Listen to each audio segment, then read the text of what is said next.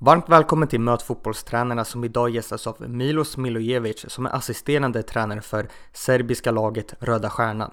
I detta avsnitt, som är del 1 av 2, berättar Milojevic om tankarna om att bli tränare under spelarkarriären, om första tiden som tränare, vad det gav honom att arbeta i många olika roller under flera år i början av karriären, hur det var att kombinera rollen som akademichef och assisterande i Mjällbys A-lag, hur han började sätta grunder och bygga upp Mjällbys akademi och om hur det var att gå från assisterande till huvudtränare som han gjorde i klubben, vad han gjorde för att förbereda laget för superettan som de vann direkt och hur det var att inte följa med laget till allsvenskan.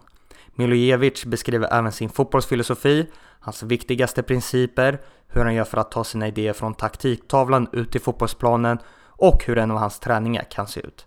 Missa inte del 2 som släpps om en vecka. Då pratar vi om bland annat om hur det är att jobba i hans favoritlag Röda Stjärnan, om pressen som finns, att jobba med tidigare storspelaren Dejan Stankovic, om fotbollen de vill spela och om hans ledarskap.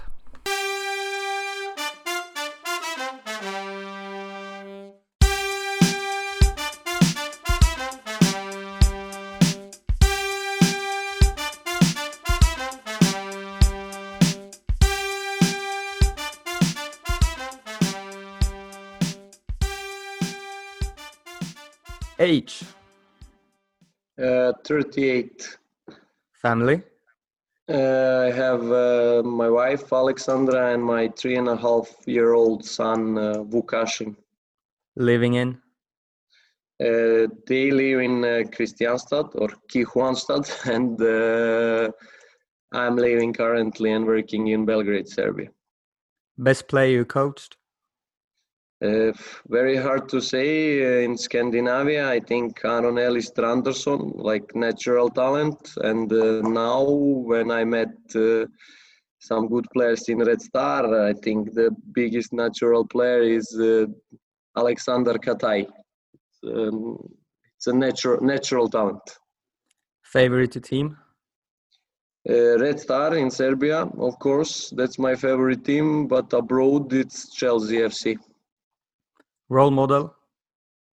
Uh, not really, not really any any role model, but um, I try to pick up uh, the best things of some other guys and still keep my my ID and uh, try to to stay myself. It's very hard to follow some role model and then you lose yourself and you lose your best quality because I think every copy or whatever in the world is not good enough copy so that's just the way i don't really have any any role model in that way Grass or artificial?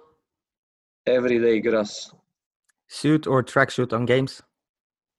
depends on the role if i'm a main coach i like to dress uh, in a suit and uh, if i'm assistant coach then i think uh, it's a bit silly to to dress in suit and then i prefer to stay on tracksuit and uh, and uh, be more comfortable on that way and uh, not affect the main coach What do you do on game days? um, on game days i have uh, my routine that is uh, 8 to 12 kilometers run so because i I have a lot of energy, and uh, I think on that way I control better stress and don't act during the game uh, as a player. I can be a bit more calm and uh, look look what the things I have to change or not change or just keep on going. If I'm too tense and uh, too fresh, then uh, without running, then I think then I start to participate the game as a as a player. Interest outside football? Oh, many many interests uh, books uh, out of other sport uh, almost every sport. I like uh, golf to participate myself. I infected by padel in sweden and uh, i like to watch uh, judo. I like to watch nba so my work and my um, interest out of the football are sports. So it's every kind of sport is is very very occupying myself.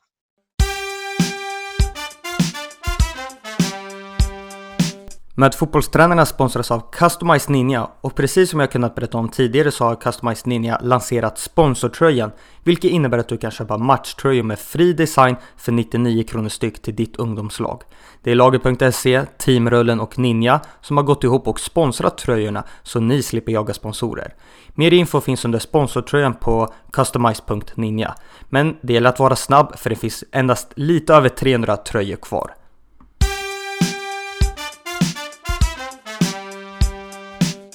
Hello and welcome to Möt fotbollstränarna Milos Milojevic. Tack, tack. How are you today? Oh, I'm fine. I'm fine. Thank you. You have training in the evening today? Yes, uh, 1800 we start, but usually when we have the afternoon training, uh, my routine starts around 12, 12.30 at the stadium and uh, then we stay as long as needed. What are you going to do in the training today? Uh, today is uh, attacking part of the game uh, uh in in reflection of Partizan FC because we have them during the weekend in the big derby match. So today is tactical attacking part of the game, concluding them, and yeah. So tomorrow is more defensive part of the game and some defensive set pieces. That's that's that's two last days before the training then because training uh, game uh, before the game and uh, then uh, game is on sunday 17 we have easy activation training on sunday morning. What do you think will be important in that game to get three points uh, it's a very specific game with a lot of tension. So we don't have good track record last four or five games. Even we won the titles, they had more success in derby games. That's hurting our supporters and us very much.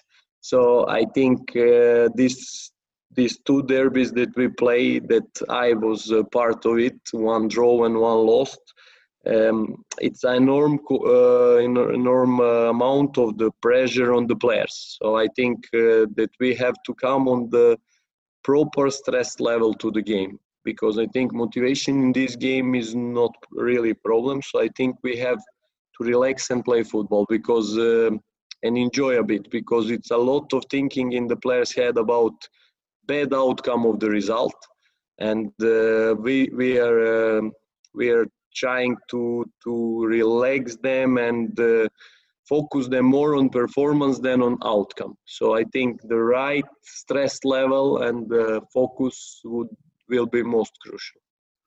Today you are assistant coach of uh, Red Star, but you had an interesting journey as a football player. Can you tell us about it from the beginning to the end?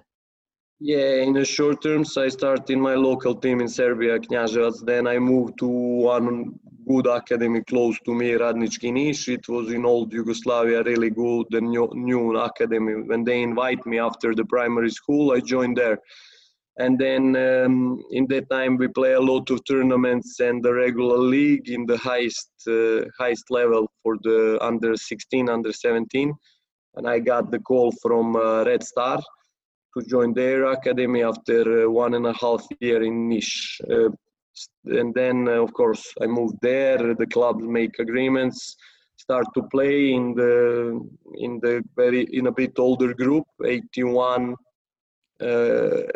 born born born boys, and it was good. Uh, I stayed there for uh, three years. Then I want to test um, senior football and uh, through the Red Star, I had the option to go to third, third, uh, third tier of the competition, but uh, want to go back to the town where all my friends are to play to the highest level.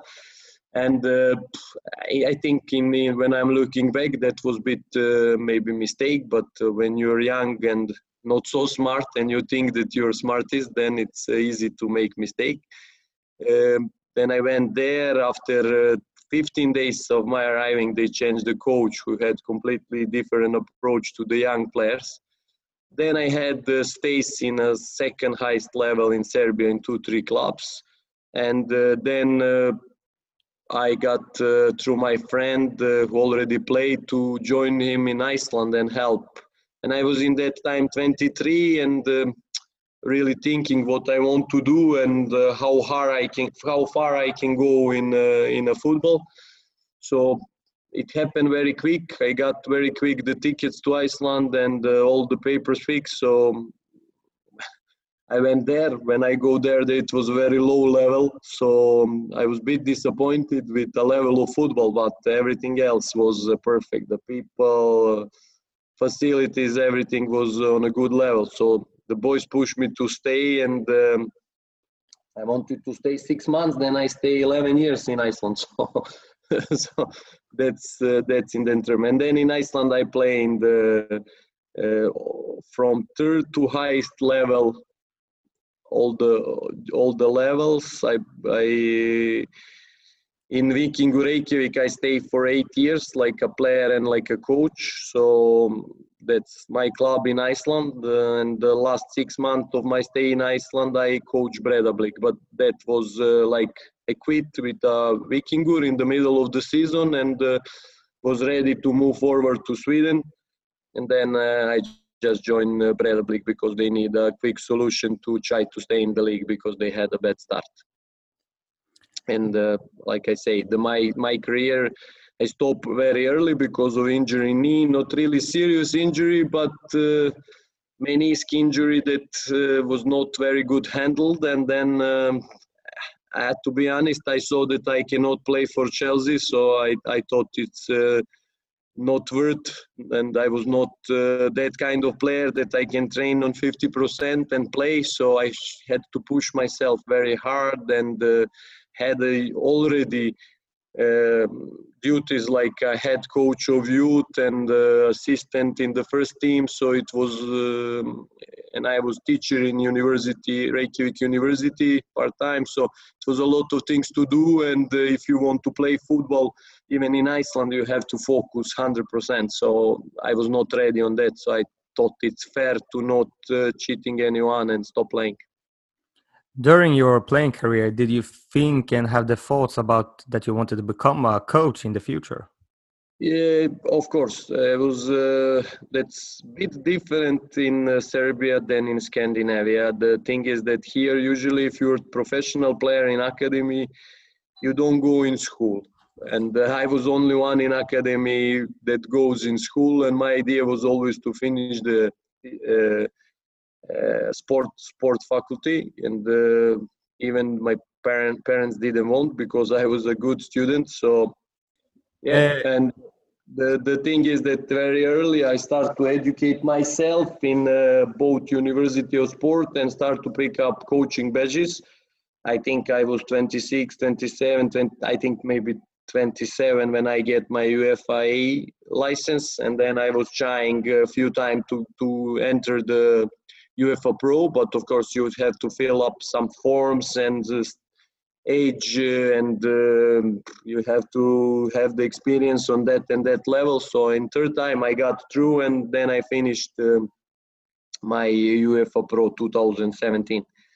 Uh, so for me that was from early early days the thought was that i want to be coach even in every team i play I was like a coach on the pitch, and all the coaches appreciated that. And uh, I was one to push the guys and also move them left and right tactically and uh, do the things.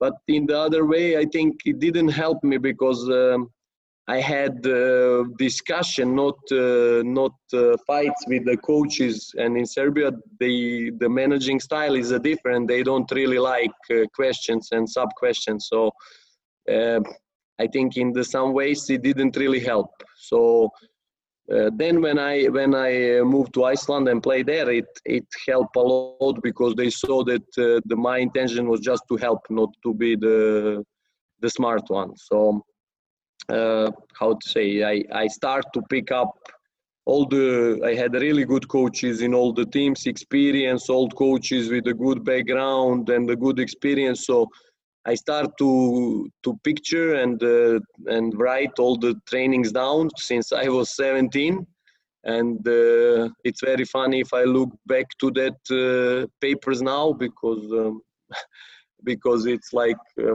my kids' uh, writing style and uh, picturing and everything. But of course, it helped you to start to think and start to to create some pictures in your head and have your own ideas. Of course sometimes bad sometimes good ideas but if you think and work on it uh, you you will come to one uh, global uh, idea that you will follow.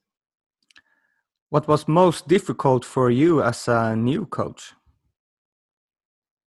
Uh, for uh, as a new coach it's very difficult to focus on the things that are important and not important. When you're a young coach you start to think that you have to be with uh, 300 exercises that um, that will help your team or your players uh, develop but then when you when you get uh, working for uh, sometimes then you actually see that there are some principles during the training and the exercise is just your helping tool how to how to reach that that aim. So i say for me would that would be in the first years hard to filter the right exercises and the right number of exercises. How would you say that you learned the coaching? Uh, I am the one that is not shy to ask.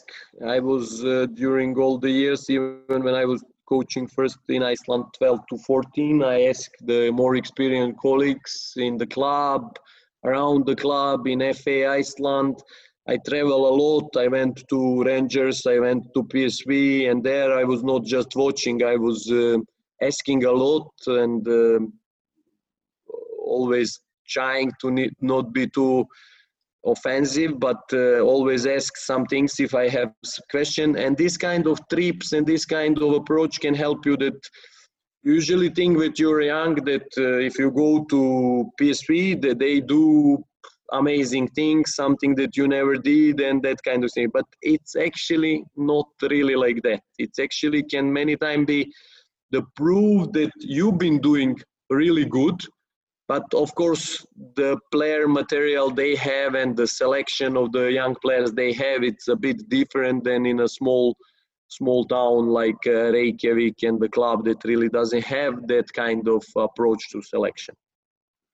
In Iceland, you worked on many levels and had many different roles from coaching boys under 14, youth manager to being the head coach and playing qualifying games for the Europa League.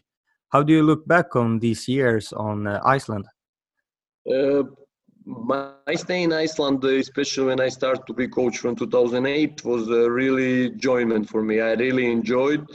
Um, what I enjoyed most is like a, a, character and attitude of the Icelandic players. Their will to to to learn. They are very very hardworking. There is no any any like uh, you know like obstacle on the way that they can say oh I, that's why i don't want to train. So it was really enjoyment. And for me it helped me to work on all these levels because that was my idea from beginning to work two years in each age group. Uh, but of course um, sometimes because of the needed of the club sometimes of because of the the results I didn't make two years in every category, but I had at least one and a half in almost every category and almost every role.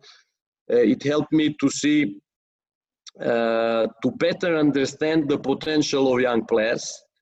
If you work with them, you if you work with some really good player who was 14 year old, then you can um, then you can uh, see in some young guy now that is maybe not ready 16 17 to play in first team that he has something to be in the first team. And then you have like i say to push him there. Even he's not ready you have to push him there. So that helped me a lot. Also helped me when i'm uh, uh, when i'm main coach uh, to have the right right distance and right approach and the right support to the youth coaches to respect them.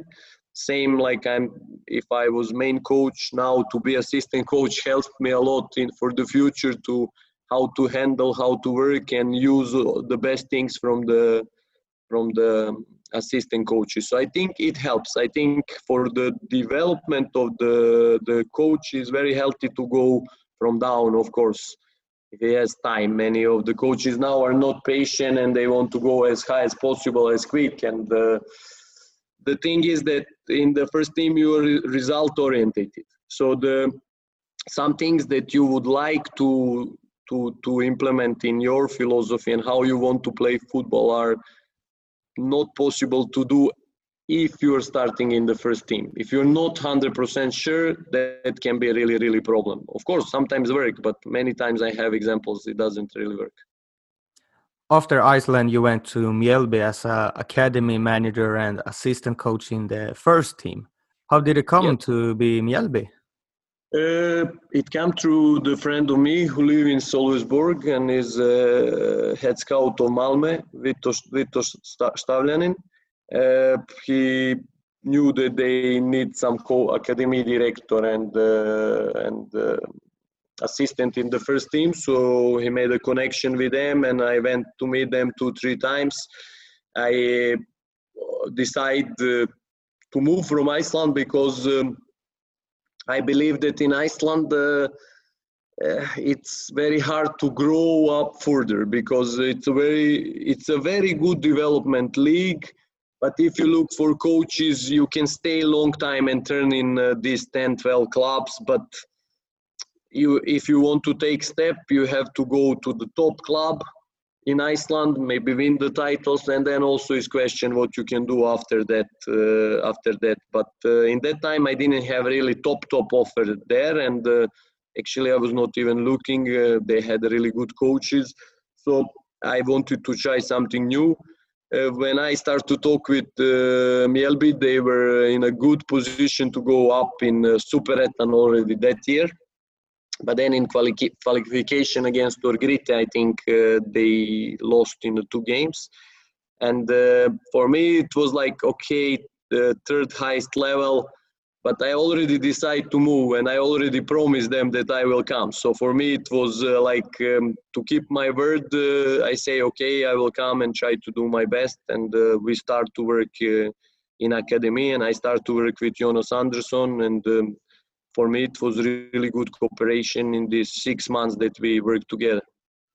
What was it like to combine these roles, working with the first team and also the academy?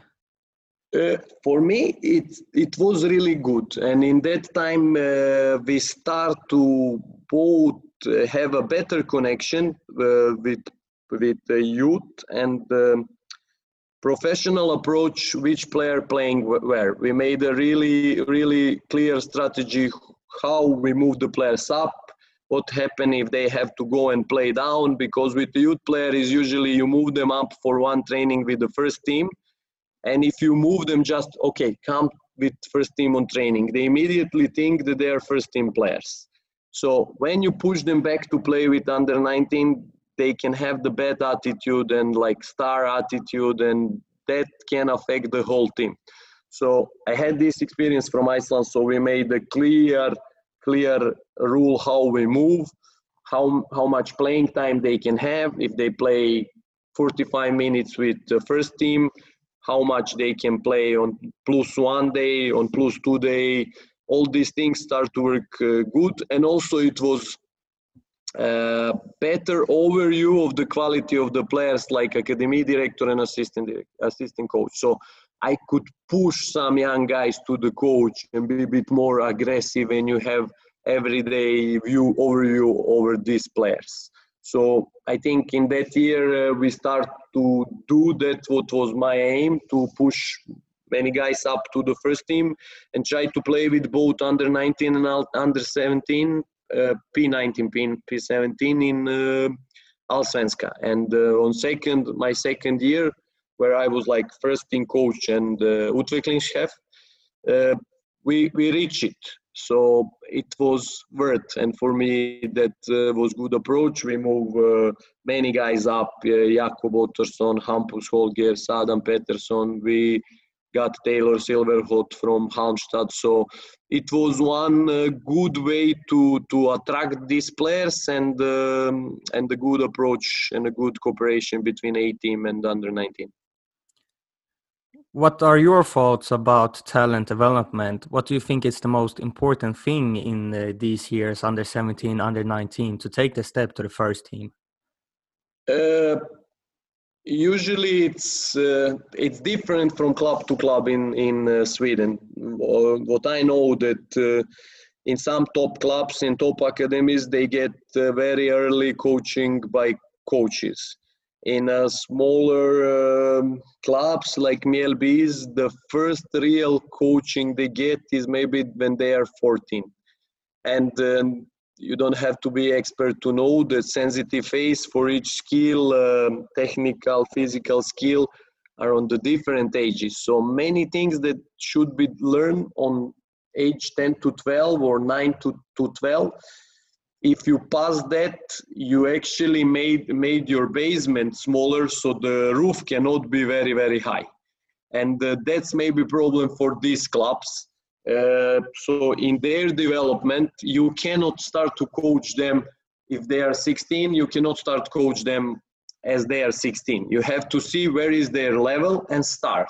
There is uh, the most um, the wrong sentence that i hear from coaches is like I can't believe that this age group cannot do, for example, receive pass or one one and one. And I always say to everyone is like start to believe. It's gonna be easier because you start to work and then you don't say, oh, I cannot believe. Oh, start to believe and start to work. Then it's then it's easier. So I think for their uh, development is uh, when they are young is very very important that they are um, all the base basic uh, uh uh, skills and all the basic actions are uh, done technically and uh, of course their physical development but i'm not so worried about physical and tactical development when they when they come to to to the first team. You have really really good uh, space and really good uh, things to develop. Them uh, if they are on technical level limited it can be problem. When i'm talking about tactical level, for me, one against one, one against two, over number, under number, that's something they have to to to to come with a good uh, knowledge in up to the first team. Individual group group tactic technique. Uh, collective tactic technique it it varies from the coach to coach so that's not worry physical level especially for the guys when they re, when they get enough uh, testosterone the level of testosterone is enough good you need six months to close them in gym and they will become strong. Uh, in sweden and, more, and in scandinavia and global uh, the that's not the problem. It's an, in a nature the players are very physical uh, good speed good endurance uh, so that's really really not problem. If they come with a technical knowledge that is uh, on a good level they have a chance to to to play uh, on a, in the highest league. How important is the game model in the academy under 16, 17, 19 to build a game model or only to develop players and uh, let them play free and uh, express themselves? Or what do you think about that? Uh, I think it's very important uh, methodology of the trainings and the way you play. Uh, usually when you go to some academy they say okay we play this and this formation. For me that's the really the, the last thing important in this chain. The, the, the, the thing is like if you just uh, bind your players to play in one formation when they are youth they feel uncomfortable when they come to the first team. And the formation is not really the the, the it's not really the main thing. The main thing for me is what kind of mentality you build up in your player. Okay, what we do when we have the ball, what we do when we don't have the ball, when we lose the ball. In all these simple things, we coaches with the young guys start to talk about uh, omställningar, all these things. The guys and the girls, of course, they want to have it very clear and they're 14, 15. Okay, when we have the ball in this zone, what we do? When we lose the ball, what we do? So that's that's for me like more methodology and some like 10, 10 to 20 principles that you have every academy has to to to have. Um, when it comes to, to, to the formation of play, I think the good youth players should be able to play in a main formation with uh, three central backs, main formation with four central backs to understand the numerical uh, advantage and uh, disadvantage in each system. How you gonna play? It comes up of the main coach. It comes up of the uh, players players uh, material. So it's very very hard hard to bring them in this. To express them, yes, yes. For me, uh, I always say if you have the wing who just always play back, it's not wing. It's a fullback. So it, it, it means that your wing, your attacking players in the last third, they have to get the really, really freedom to express themselves. But for me, what is second step important after that is what they do when they lose the ball and what their teammates do when they lose the ball. It's no problem to lose the ball. It's just your attitude, what you do after you're losing your ball. After just uh, six months in uh, the head coach left and you took over the team. What is it like to take over as a head coach when you previously had the role as an assistant coach? Uh, it's it's not it's not so so diff, dep- depends what kind of assistant coach you are. But I think uh, I think it's uh, for me it's it was not problem uh, first because Jonas didn't uh, quit because they fired him. He had a lot of duties and he was busy on his job. It was a bit pressure to go in because the year before they didn't go in. So all that things and uh, he stayed there when it was really hard when they were very close to to go down to the second division. So all this uh, coaching coaching job is stressed. All this stress and all his duties made that he quit. So for me it was not um, very big difference because when I was assistant coach, of course, I followed the philosophy and tried to back up the philosophy of the main coach. But my approach and my coaching style is uh, same. During the training, I ask for the discipline. I ask for the organization. I ask for the certain things to do after trainings before trainings i am i am will to listen about anything with the players discuss. I think uh, i'm good to see if they have problem. I have the the rule that i have now also and i had always. Usually you i talk more with the players that do not play.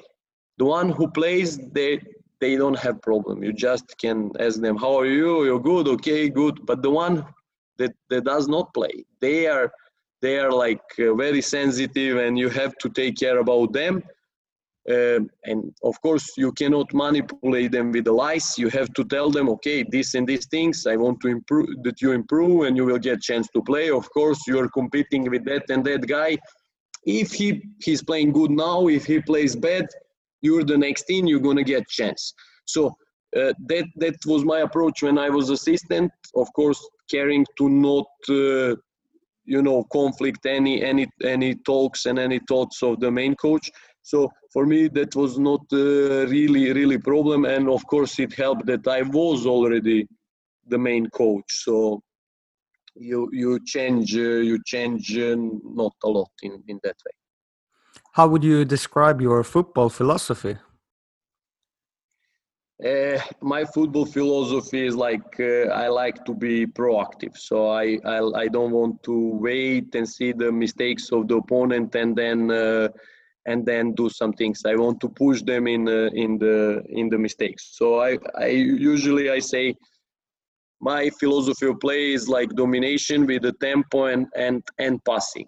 But that's like very global and very big, and everybody likes to play that kind of football. Um, I think ability of coach now is because we don't we don't work all in Manchester City or Chelsea and the top clubs where you can really choose the players that fit in your philosophy. So for me, the biggest ability of coach now is that you scan the the players that you have, the squad, and uh, fit their qualities in your philosophy. It means that you have to be adjustable uh, it means that maybe I'm not going to play the my preferable formation, but it means that I will try to use the best of all the players I have, that my training methodology and style of play uh, gonna be as I want. Is that gonna be 100% as I want? Uh, I don't know, but what I know that if you have the results, everybody will say yes, that's the good philosophy. So in the senior way, you have to be adjustable in this way. I, and I believe in that that methodology of the training is gonna is gonna is gonna be your philosophy of the play. So if you have in your methodology uh, that you play on that you do a lot of counterattacks, you will play with a lot of counterattacks. If you do a lot of possession with maybe not orientation to the goals, you will have the good control on the ball, but you will not be direct. You will not be dangerous. You will not have a lot of entrance on the in the box. So the methodology of the trainings uh, says says a lot, and of course players. The the coach is good as good players he has. And I would say one more thing is that the coach is good as the players believe in his philosophy. Because if you don't get the players to believe in what you do, it's very hard. Then even for uh, Mourinho or uh, Pep Guardiola would be hard if if they cannot convince their players to play as they as they want. What would you say are your most important principles in your philosophy? Uh, two global principles that that I always have because uh, my coaching style is like I do like tactical periodization in 85% and I do the the basic periodization in 50%. And I know many many people say, oh, you either do tactical periodization or you either do the basic normal model of periodization. But for me, not because that's just trend. Oh, we do tactical periodization. If I have the not homogen group, if I have the players who are 17 and I have the players who are 35, it means in tactical periodization I will not hit the target physical uh, rates and zones with all of them. So I need this 15% to, to be sure that uh, that they are there. So every in all of these principles every day we have we have the three principles that are on every training whatever whatever topic we do whatever every principle whatever every sub principle do uh, we have them and it's pass and move always move after passing uh, communication and reaction after losing the ball. And of course we have in this reaction after losing the ball two three principle. And in, in the end if we didn't make it then we have the principle how we stay in the in the in the zonal defense and where we push to press in which zone. So that's that's what is uh, three principles that they are always uh, there. And the one topic that I always say to the players is like, I believe that intensity in every exercise has to be 100%. 100% in every exercise.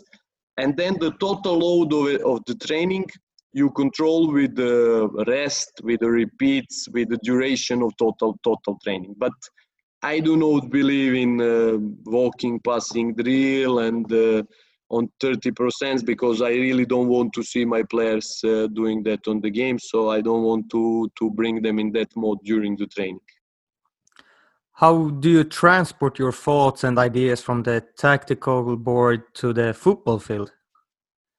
Uh, I actually think that that's uh, maybe my biggest quality, the training pitch and how to transform my ideas to there. So uh, like I say, I have a clear principles attacking part of the game. Then we have the field that switch down to the four sub principles. Then how we do the when we lose the ball, what's happen? Okay, if we win it quick, how we go in offensive transition. So I think it's very clear, and I try to when when I do the one topic or sub one principle or sub principle that every time we just focus on that and we correct that kind of things. We don't do not correct the other other like minor things that can occur. The passes and if the focus is on the zonal defense and uh, we do it so that like a main main part in the middle zone i don't really focus why they do mistake when they win the ball that's that's the topic for something else of course it's important but if you start to control too many topics during one training session the players focus uh, disappear and then you you do a bit of everything so i think that um, that, that uh, the training methodology that I'm using is uh, helping a lot to to to transfer this from tactical tactical board to the training pitch.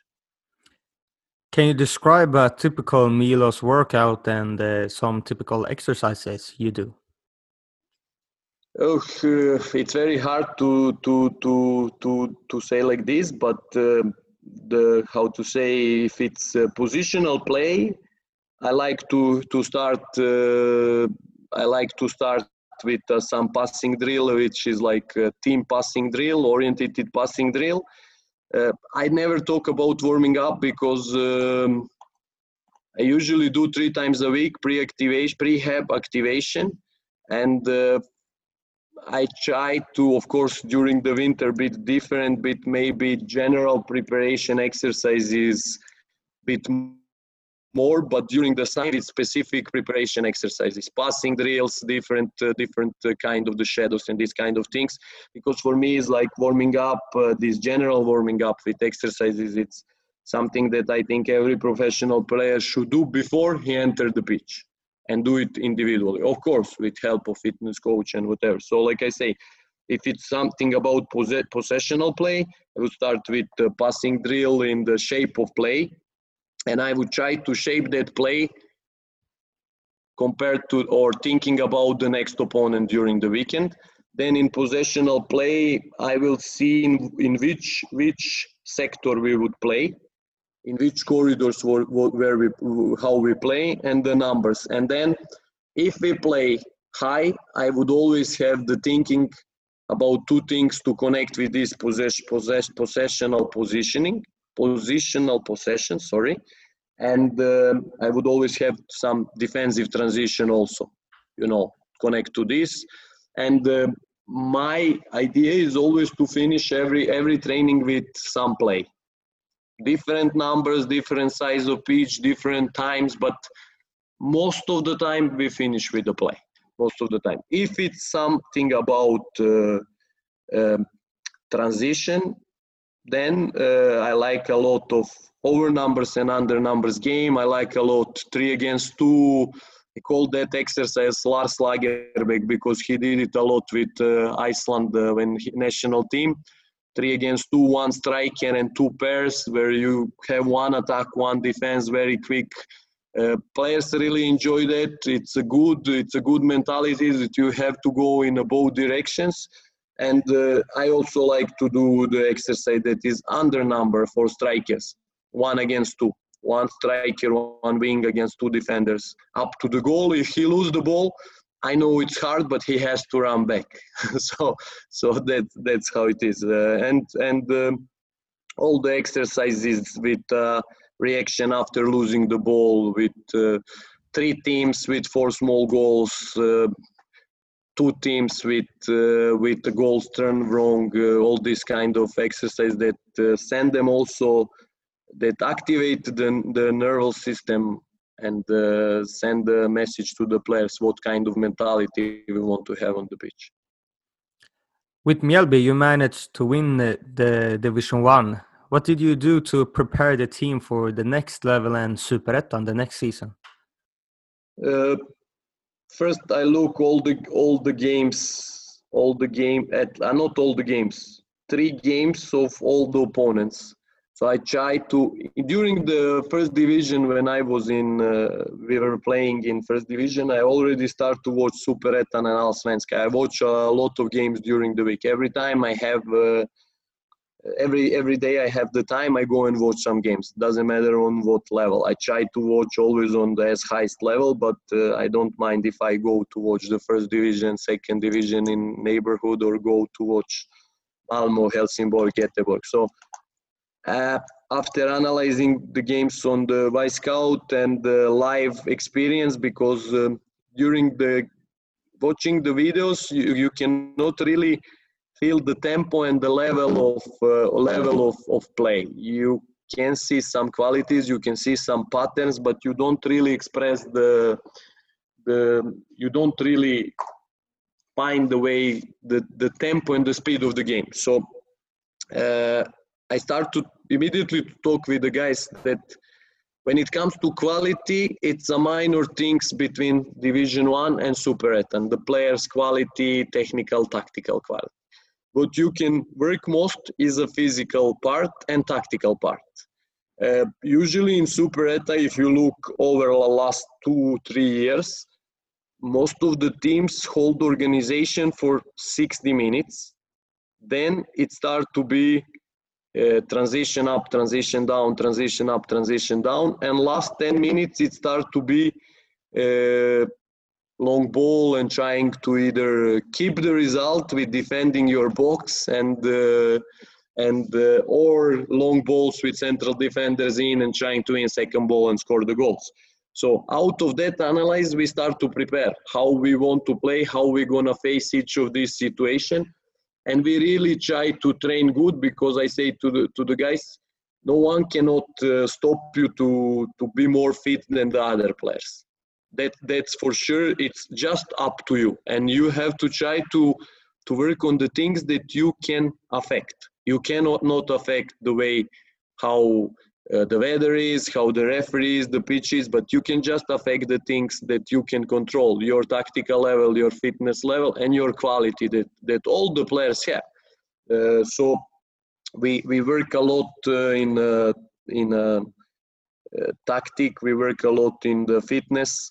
We knew that we will have the problem to start to reach this intensity because this is to talk is one thing and to play on this intensity is, is different. So we had the problem in the beginning of the season but then when we when we saw okay this is what we need these things we can do these things we cannot do also for me uh, not just for the players uh, then i saw okay this works better than that um, we start to have the continuous good result then uh, when we lost some players like pavle then I had to adjust a bit tactics so I can use all my best players in the right way, and uh, we keep on going. Of course, you don't go during the season undefeated, but uh, we we managed to to win the league, and that was uh, really good.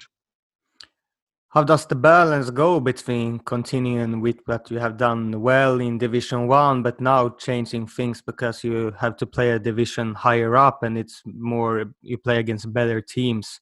how do you twist some things in the play model? Uh, the, that's the start when we start about to talk to about uh, philosophy of play. Some some some coaches, of course, there is nothing one thing right in football, but some coaches say, okay, I want to have just possession football, and uh, when you don't have the quality to have possession against all the teams, you struggle a bit. So I think if you have the philosophy of play that uh, has the clear principles for you and for the players in each phase and sub phase of the game, then it's just question like which one you're going to use bit more than the other one. So of course in the division one we had a lot a lot of uh, space to play we were dominant team we had more possession in this then we had to to turn to the team that is bit more passive and trying to go quick uh, after the transition or counter attack. But we already work on this all space, all things. So now we just, like I say, in the cake of the training, we put bit more of these things and bit less of the possession. Of course, we, we still work with the possession and control because I don't believe you can defend for uh, 90 minutes. We had i think one game that we defend for 45 second half. But usually you can defend in some part then you have to control a bit with the pass.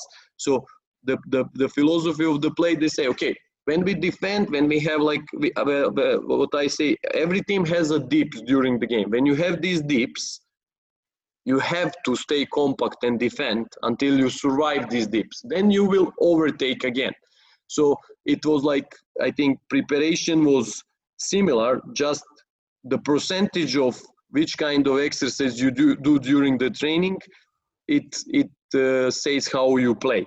Uh, then we had in the second part of the season a big problem, and we lost two first game after the national team break in September because all the teams analyze you as you analyze the teams, and they say, okay, this team Mjällby is good when they play on counter attack. Let them let them play and stay back.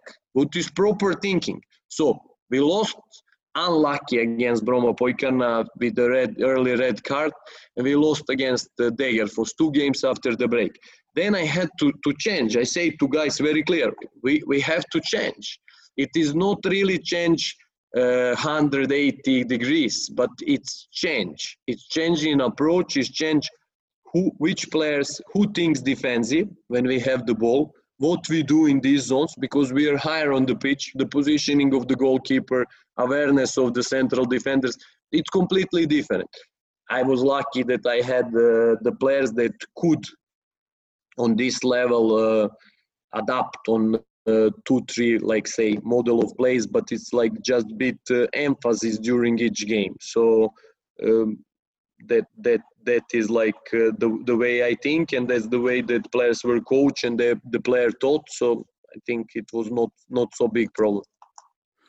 You won Superettan after just uh, one season and took the step up to Allsvenskan. Was it a tough decision to not uh, join the team in Allsvenskan? Yeah, of course, of course, it was a really tough decision. I was like uh, uh split between uh, can I say I don't show it a lot, but uh, in in in myself inside I have a lot of emotions. So you, I connect to the club, I connect to the players, to the people. Um, uh, even uh, not always they were pricing me. It was critics and everything, but that's part of the job. But then I got the call from Red Star that is my club from the from uh, when I was a really really small boy when they won the uh, Champions Cup in that time, 91, and all before that, all the my idols as a players are the ex Red Star players, and uh, that was the dream. Uh, I didn't expect actually that that's gonna happen too quick.